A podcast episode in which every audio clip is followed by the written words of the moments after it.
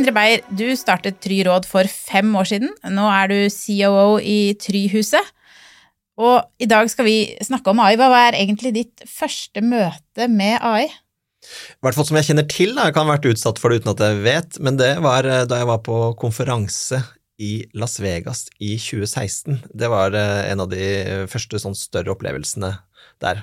Og det var egentlig fordi jeg kom da over en konferanse som het World of Watson, som da var IBM sin konferanse med navnet Watson på alt som var med AI. Og det var et par år tidligere så husker jeg så på TV, det var i 2011, hvor det var et gameshow, Jeopardy, eh, i USA, hvor da første gang en maskin vant over et menneske i spørrekonkurransen Jeopardy. Og så Det hadde jeg egentlig syntes var interessant. Jeg var inne og så det på YouTube og syntes det var utrolig fascinerende at en maskin kunne vinne over et menneske i en spørrekonkurranse. Og så hadde du lignende eksempler på sjakk osv. Så, videre. så jeg var på den konferansen i 2016 og kom jo da inn i en verden eh, hvor jeg var på foredrag og utstillinger på hvordan AI kommer til å endre hele verden, fra alt fra helse, økonomi til selvkjørende biler osv. osv. Hadde en følelse da jeg dro fra Las Vegas Uh, litt sliten, uh, og tenkte nå er det bare å komme seg hjem og tenke hvor mye er det verden kommer til å endre seg. Og Jeg husker jeg gikk rundt på kontoret og fortalte om de inspirerende foredragene uh, jeg hadde vært på, og hvor stort det kommer til å endre både vår og andres bransje. Og så skjønte jeg jo etter hvert at her var jeg litt supergiret, og at det var ikke helt tilgjengelig verken i Norge eller på norsk, eller så langt som de sa de var på den tiden. Men jeg har jo da tenkt at ja, eh, i hvert fall, det blir jo veldig spennende om verden blir sånn. Og så er det jo et ordtak som sier at man eh, kanskje overvurderer teknologiske endringer på kort tid, men undervurderer dem på lang tid. Og dette er jo et eksempel på det. For, da, for noen måneder siden så kom eh, ChatGPT og eh, OpenAIs produkter, og alle de andre produktene og tjenestene som har kommet ut.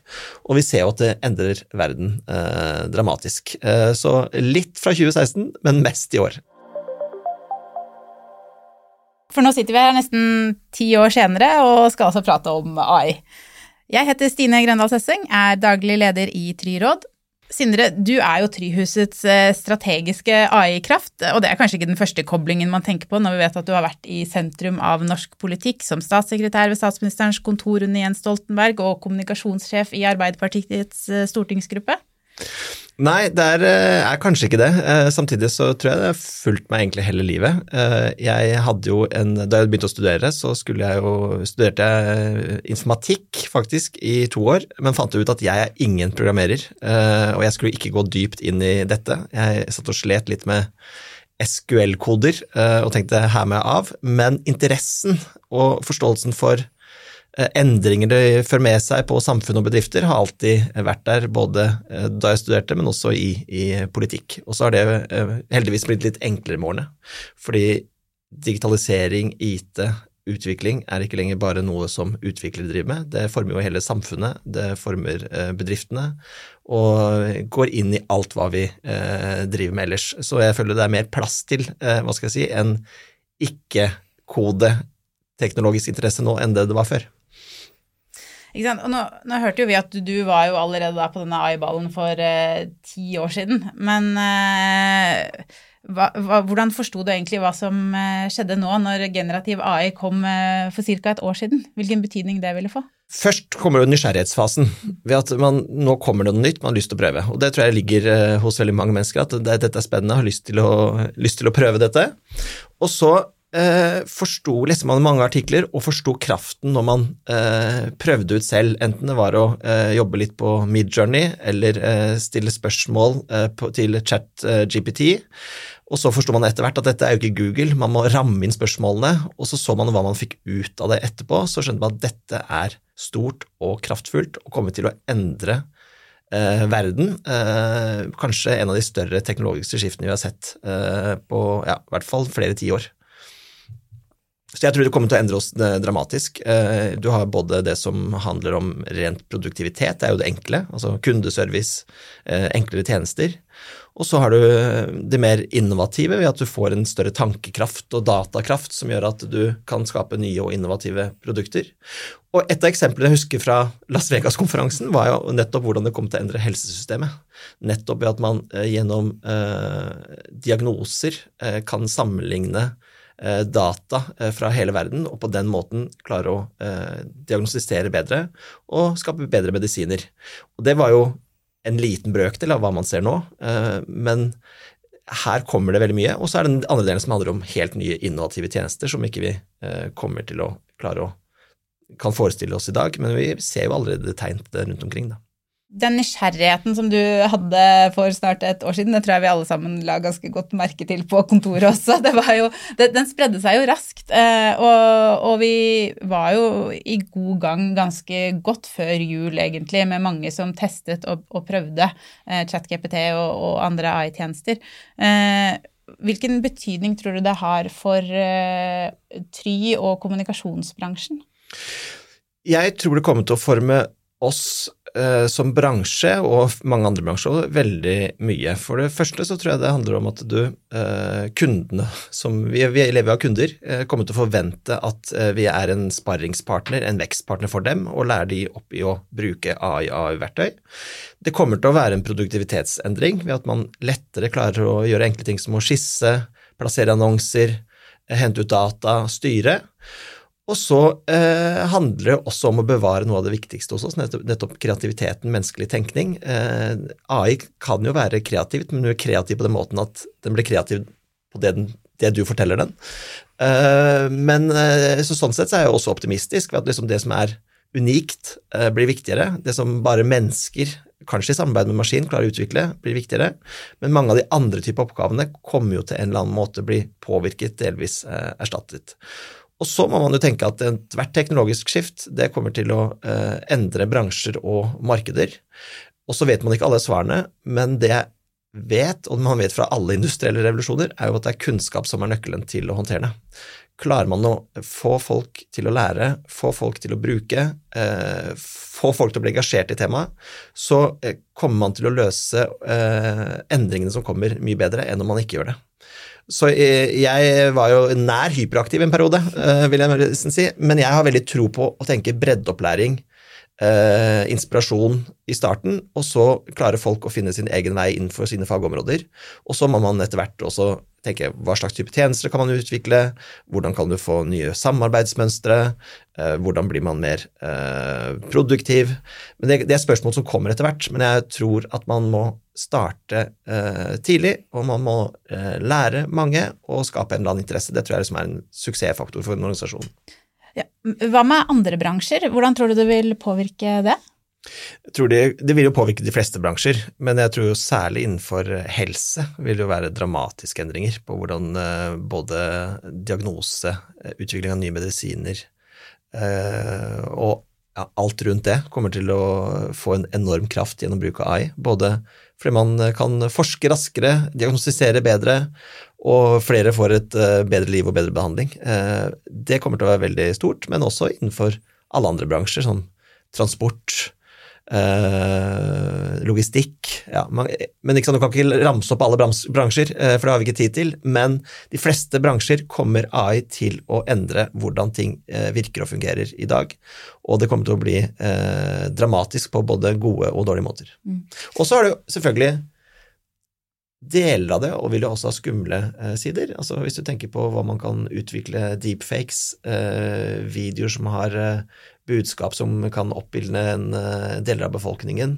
Uh, så det kommer mange, mange, utfordringer også på demokratiet. Det vi må være veldig oppmerksomme på, er jo eh, hvordan vi skal også beskytte, uh, beskytte, demokratiet. Fordi dette er jo et verktøy som ikke bare blir brukt av gode krefter, det vil også bli brukt av onde krefter, som vil prøve å manipulere virkeligheten og kanskje skape nye konflikter. Så det må vi også ha et øye på i alt det positive vi tror kommer til å skje. Ja, altså spesielt den uh, balansen mellom uh, hva som er uh, sant og usant i alt det vi eksponeres for, vil jo bli ekstremt utfordret. Både i det hverdagslige og hva barn har møtt på sosiale medier, men også, som du sier, til ytterste konsekvens hvor det vil påvirke demokratiet og, og, og maktstrukturen vår. Ja, veldig. For det, sant, man tenker jo, og man skal være optimist, eh, og i hvert fall hvis man har eh, levd eh, på 90-tallet og kjent at liksom all teknologi bidrar til en bedre verden. Jeg tror jo fortsatt det, men så har man jo også sett de siste årene at teknologi kan også brukes til noe som skaper dårlige ting for verden, og det skal vi være ekstra oppmerksomme på når det er et så sterkt verktøy som AI. Da. Og det er jo uh, Man kan ha, ha ildsjeler og, og, på en måte supernerder som kan absolutt alt og følge med på alle nye duppedingser og, og trender som kommer. Men uh, hvordan tror du egentlig den, uh, det kan henge sammen med det å få ledergrupper i gang, få det på et strategisk nivå og faktisk gjøre de riktige prioriteringene i kanskje det som for mange føles veldig overveldende av muligheter? Ja, jeg tror alle må i hvert fall starte et sted, tror jeg er det viktigste. Eh, fordi kunnskap har jo en tendens til også å bli litt proteksjonistisk.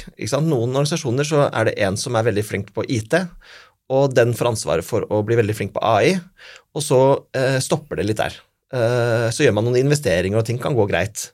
Men jeg tror og vet vel egentlig også, eh, det ser man jo fra forskning, at klarer man å få alle med, få en grunnstamme på hva man eh, kan av kunnskap, så har man etablert en, eh, en kultur for å lære og for å bli mer innovative. Og innovasjonsprosesser viser jo det. At du klarer å ha bredde i folk som jobber med innovasjonsprosesser, enten du jobber i resepsjon eller, eller et annet område, så får du også bli bedriften bedre til å finne opp nye ting, manøvrere osv. Og, og så tror jeg det ligger hos veldig mange mennesker at man kanskje blir litt proteksjonistisk på egen kunnskap. Det er jo litt deilig at denne kunnskapen er det bare jeg som sitter på. Og jeg, ok, jeg deler det litt hvis jeg blir bedt om å holde foredrag eller stille opp i intervju, men skal man få til endringene eh, sånn, så må man bryte all proteksjonisme. Og det betyr at alle må lære litt, eh, i hvert fall som en start. Ja, Proteksjonisme så tenker jeg kanskje, og eh, bekymring. Folk er jo ja. generelt også eh, kanskje litt sånn redde for endring. Eh, dette kan ta, endre helt arbeidshverdagen, hvordan du, hvilke oppgaver du gjør og, og lignende. Sånn at, mens man tidligere så på altså Man vet jo at det er en, en, av de største barrierene ved endringskommunikasjon å få til en forskjell, men, men kanskje nå i enda større grad så, så vil jo det kunne påvirke hvordan du får implementert det til alle, da. Absolutt. Eh, og endringer kan jo være skummelt, eh, men med teknologi så kommer det jo nesten uansett. Så du må nesten Man kan nesten ikke stille spørsmålet kommer det eller kommer det ikke, for det kommer. Og så er det handler om å få sin bedrift eller sin virksomhet eller sin statlige etat til å være rustet for det. Uh, og når det virkelig slår til, så er det veldig dumt å tenke oi, jeg skulle glemt å sette i gang noe kursing og skolering og motivasjon for tre år siden. Er det, det, er det skumleste. Men jeg tror det ligger fantastiske muligheter her. Og så er det selvfølgelig mange lover og regler og rammevilkår som skal på plass. Men jeg tror jo at man gjennom kunnskap om det, eh, prøving og feiling, eh, er svært rustet. Og så får du bare håpe at en konkurrent ikke tenker som, som du selv, da. For da har du jo åpenbart en konkurransefordel. Men man, altså Mobiltelefonen, smarttelefonen, endret jo hvordan vi eh, jobber og hvordan vi eh, På alle mulige måter. Eh, da jeg da jobbet jeg vel på, eh, på statsministerens kontor når smartphonen kom. Eh, jeg husker jo skepsisen til å innføre smarttelefon. Og det var sikkert noen sikkerhetsgrunner også, men det var også en systemskepsis mot nettopp at man skulle ha en, en, en PC i lomma hvor man kunne gjøre alt mulig. Så det er en naturlig forsinkelse og en skepsis til ny teknologi. Eh, men jeg mener Norge har jo, når man ser bakover, har vært ganske flinke til å ta i bruk ny teknologi. Se, hva, se nettbanker, eh, se alt hva vi gjør digitalt når vi er ute og reiser. Og det oppdager alle når de er på ferie eh, på sommerferien til andre land utenfor Norden. at Plutselig sitter du der med mange sedler og mynter og ja, må begynne å bruke minibanker igjen og eh, ikke har de VIPS og eh, sånne, type, sånne, type, opplevelser. Og Det viser at vi i Norge er ganske godt rustet som land, og så handler det om å bli ganske godt, eller veldig godt rustet som bedrift. Er ganske godt rustet, men samtidig så var NHO kom jo ut med, nylig med en undersøkelse blant medlemsbedriftene som viser at det er kun 15% av bedriftene som tar i bruk AI i, i daglig drift nå. Så, så, um, det å komme frempå og, og fortsatt kunne utnytte konkurransefortrinnene ved å være på den første bølgen, kan, er jo fortsatt der. Men hva, hva, tenker du de bedriftene som i dag ennå ikke har kommet seg på AI, går glipp av? Hva de går jo sannsynligvis glipp av store markedsmuligheter eh, fremover. Eh, de går glipp av eh, smartere og bedre måter å eh, jobbe på. Og de går sannsynligvis eh, glipp av kontrakter etter hvert, fordi at konkurrenten gjør det. Og så tror jeg også de 15% er et symptom på at bedrift, mange bedrifter ikke snakker om det. For jeg tror at mange av de bedriftene bruker AI i en eller annen form, men det er kanskje eh, teknologidirektøren som eh, driver med det, og kanskje ikke har formidlet det til sin toppsjef, som svarer på den undersøkelsen. Så det å klare å begynne eh, en kulturreise, eh, begynne å starte opplæring, tror jeg er helt avgjørende for norske bedrifter for å være på den riktige siden av de endringene som eh, kommer nå. Eh, for det som kan være en konkurransefordel, kan bli en konkurranseulempe hvis ikke du tar tak i det.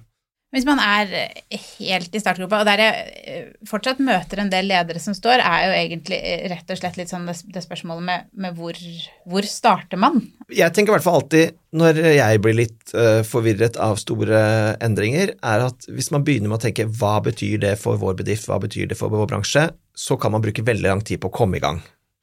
Uh, man skal gjøre det òg, uh, men jeg tror man skal sette i gang med læring. Så kunnskap er det første, og det sier seg litt selv, men mange sliter jo med det.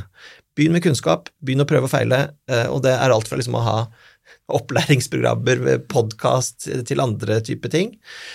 Og så jeg har fortsatt ikke møtt en bedrift som har satt i gang den type ting, og hvor de etter et halvt år eller et år ikke har en eller annen, et eller annet fremskritt, et eller annet produkt som følge av at de har satt i gang kunnskap. De fleste ansatte i bedrifter vil jo ha at bedriften skal satse på kunnskap. Så det kan jo alle gjøre. Og så eh, kan man ta noe av disse vurderingene på hvor er det vi skal sette inn støtet, hvor skal vi lage produkter, hvor skal vi gjøre det og det. Det kan vi ta etter hvert. Men så jeg mener jo det å bare sette opp en, en egen eh, GPT trygt for bedriften er jo en veldig god start. Eh, og ansatte, folk som bruker GPT som en del av sin arbeidshverdag, de har beviselig høyere produktivitet enn før. Så alle kan jo begynne der, uansett arbeidsoppgaver, og få eh, ansatte til å bruke GPT på en effektiv måte. Og klarer du å spare 10-15% eller få 10-15% produktivitetsøkning av det, så er jo bedriften allerede gjennom det godt rustet. Men kanskje nettopp det å, å, være på ballen akkurat nå er spesielt viktig. Vi vet jo at det er et tøft marked, den økonomiske situasjonen påvirker eh, ganske mange. Eh, og, og, da kunne være i, i forkant uh, og benytte de konkurransefordelene som økt effektivitet, økt kvalitet på produktene uh, som AI gir, vil kanskje være spesielt viktig nå? Veldig. Uh, og det er jo også når det er litt tøffere økonomiske tider at man bør investere i den neste bølgen. Vi vet jo at det kommer til å gå opp igjen.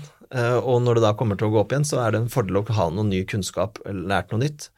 Og jeg merker selv bare på de månedene egentlig jeg har selv brukt GPT, at jeg bruker det på en helt annen måte nå enn det jeg gjorde før. Nå bruker jeg det som sånn sparringspartner eh, når jeg har et resonnement. Eh, jeg ber den finne motargumenter mot hva jeg mener, eh, og bruker det på en helt annen måte nå enn det jeg gjorde for seks måneder siden. Men nå er det liksom blitt en fast del av min hverdag, ofte, og bruker det ofte på bussen eller kollektivtransport, for da har jeg sånne ting jeg lurer på, og setter jeg da en halvtime på tog eller buss, og jeg spør om ulike ting. Så jeg, nå er det nesten dette blitt en sånn det hadde nesten vært flaut om noen så hva jeg spurte om uh, rundt, for jeg liksom bruker det som, som kontinuerlig sparringspartner, og jeg så, finner veldig stor nytte av det.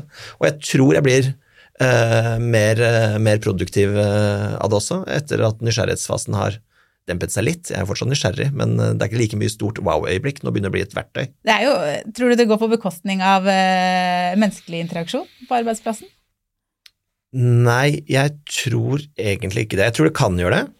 Eh, men kanskje vi, kanskje vi, blir flinkere til å uh, vite hva vi skal bruke menneskelig Eller uh, samtaler, sparring med mennesker på, og hva vi skal bruke GPT på.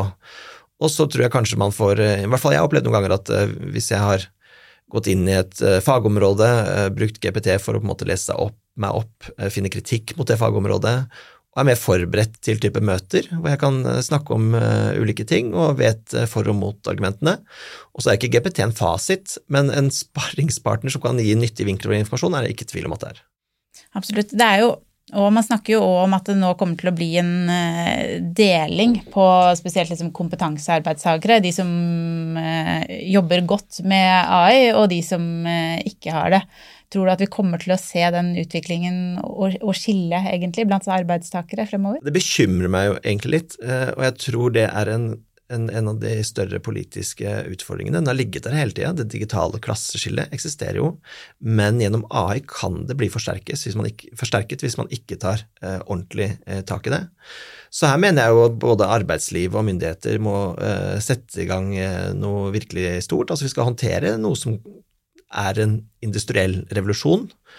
Og, eh, og kan, hvis man bare lar det suse og gå, eh, så kommer de klasseskillene til å øke. Eh, så det å få forståelse for AI, AI-verktøy, inn i skolen, inn i arbeidslivet, i den offentlige samtalen, er helt avgjørende. Hvis ikke så kommer det klasseskillene til å øke, og det ser man jo på Men det gjør jo den teknologiske utviklingen i seg selv, hvis ikke man hele tiden jobber mot det. Um, så det, det, der mener jeg vi henger litt bakpå, uh, men jeg tror Norge har noen forutsetninger for å lykkes med det. Men da trengs det egentlig en uh, ordentlig skalering på dette. Hva, hva tror du uh, vi som en virksomhet kan bidra til med i en sånn type utfordring? Er det noe vi kan gjøre for å skolere våre ansatte, våre kunder, for å, for å sikre at vi har flest mulig med oss på denne forståelsen? Ja, jeg tror i hvert fall første delen er jo å lage Vi har jo opplevd det med noen kunder, altså ikke opplevd, men satt i gang det med noen kunder, at vi har skoleringsprogram, og vi ser at det er uh, motiverende og skaper en eller annen nysgjerrighet. Uh, det handler om å skape noen nye produkter og tjenester. Der har vi gjort noe selv i Try, uh, men vi har også investert i to selskaper som har AI-verktøy. Et selskap som jobber med medieplasseringer, altså plasseringer på sosiale flater og rapportering, eh, som heter Fyr. Og så har vi eh, også investert i et selskap som jobber med business to business-annonsering, altså hvordan du som en enkel liten bedrift kan håndtere et annonsebudsjett gjennom annonsering. Og det gjør vi jo én fordi vi tror på produktene, men også fordi vi ønsker å lære av de prosessene. Og så er det det vi gjør selv, som er veldig viktig, hvor vi jobber mye med den type teknologi i IT-selskapene våre, Triopt og Trydig. Men så er det også hva vi andre selskaper som jobber mer med det strategiske, employer branding, eh, hvordan vi klarer å implementere det. Men nettopp det at vi jobber sammen med de teknologiske miljøene, tror jeg at vi blir sterkere også til å gjennomføre den type programmer. Og vel, vår opplevelse av det er at vi ganske, fordi vi har en egen erfaring på det, ganske lett kan klare å skape gode opplærings- opplegg og motivasjonsopplegg for bedrifter som er innen endring, i hvert fall i det øyeblikket de har bestemt seg for vi skal starte med kunnskap og breddeopplæring av alle ansatte. Og det er en investering som lønner seg garantert på sikt, for det å stå i 2025 og ikke ha gjort noen ting, det er garantert en stor konkurranseulempe i de fleste næringer og bransjer. Du var litt inne på dette med Eh, retningslinjer eh, Jeg tenker både her, her, er det jo både på egentlig virksomhetsnivå, det for ansatte, det å ha, ha gode retningslinjer eh, der. Eh, men også, som vi var inne på, på politisk nivå så, så, så krever denne utviklingen helt nye eh, betingelser, kanskje, for, for, hvordan vi skal ta det i bruk. Noen, eh, hvis vi starter på virksomhetsnivå, da, har du noen tanker om hva man bør tenke på?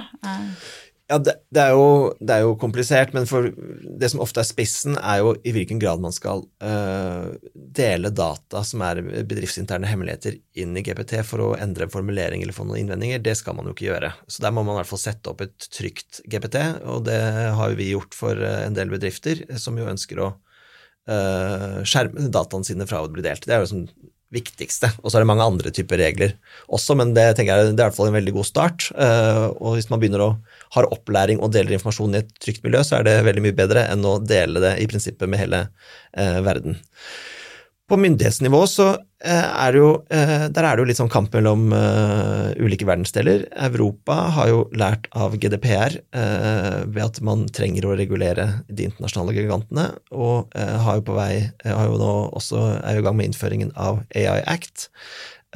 det kommer Norge til å bli en del av, er min spådom. Det er fortsatt litt sånn om vi skal gjøre det eller ikke, det er jeg helt sikker på at vi gjør. Et lite land som Norge har ikke sjans til å Eh, regulere dette på nasjonalt nivå. Det må være overnasjonale regler til. Og der kommer, det, der kommer det jo føringer og regler. Man har jo ikke sett det ut i direktiver enda, eh, men der kommer det jo politikk som regulerer hvor mye man kan dele, eh, hvilke ulike grader av AI er uproblematiske versus de som er mer problematiske. Og der er det, en, er det fortsatt en stor diskusjon om hvordan dette skal reguleres, men her heier jeg jo veldig på EU, for de har vist før gjennom GDPR at de Eh, har evne og størrelse til å regulere de store aktørene på det. Og det mener jeg er veldig viktig. Mitt råd. Du har delt mange nyttige råd og refleksjoner, Sindre, og råd er jo nettopp det vi driver med i Try råd. Hvis du skal oppsummere, hva er ditt viktigste råd til en leder som nå eller snart får AI på bordet sitt? En, kom i gang. To, investere i kunnskap be om hjelp om du ikke allerede er i gang. Herlig. Klart og tydelig. Tusen takk for at du kom på besøk, Sindre. Hyggelig å være her.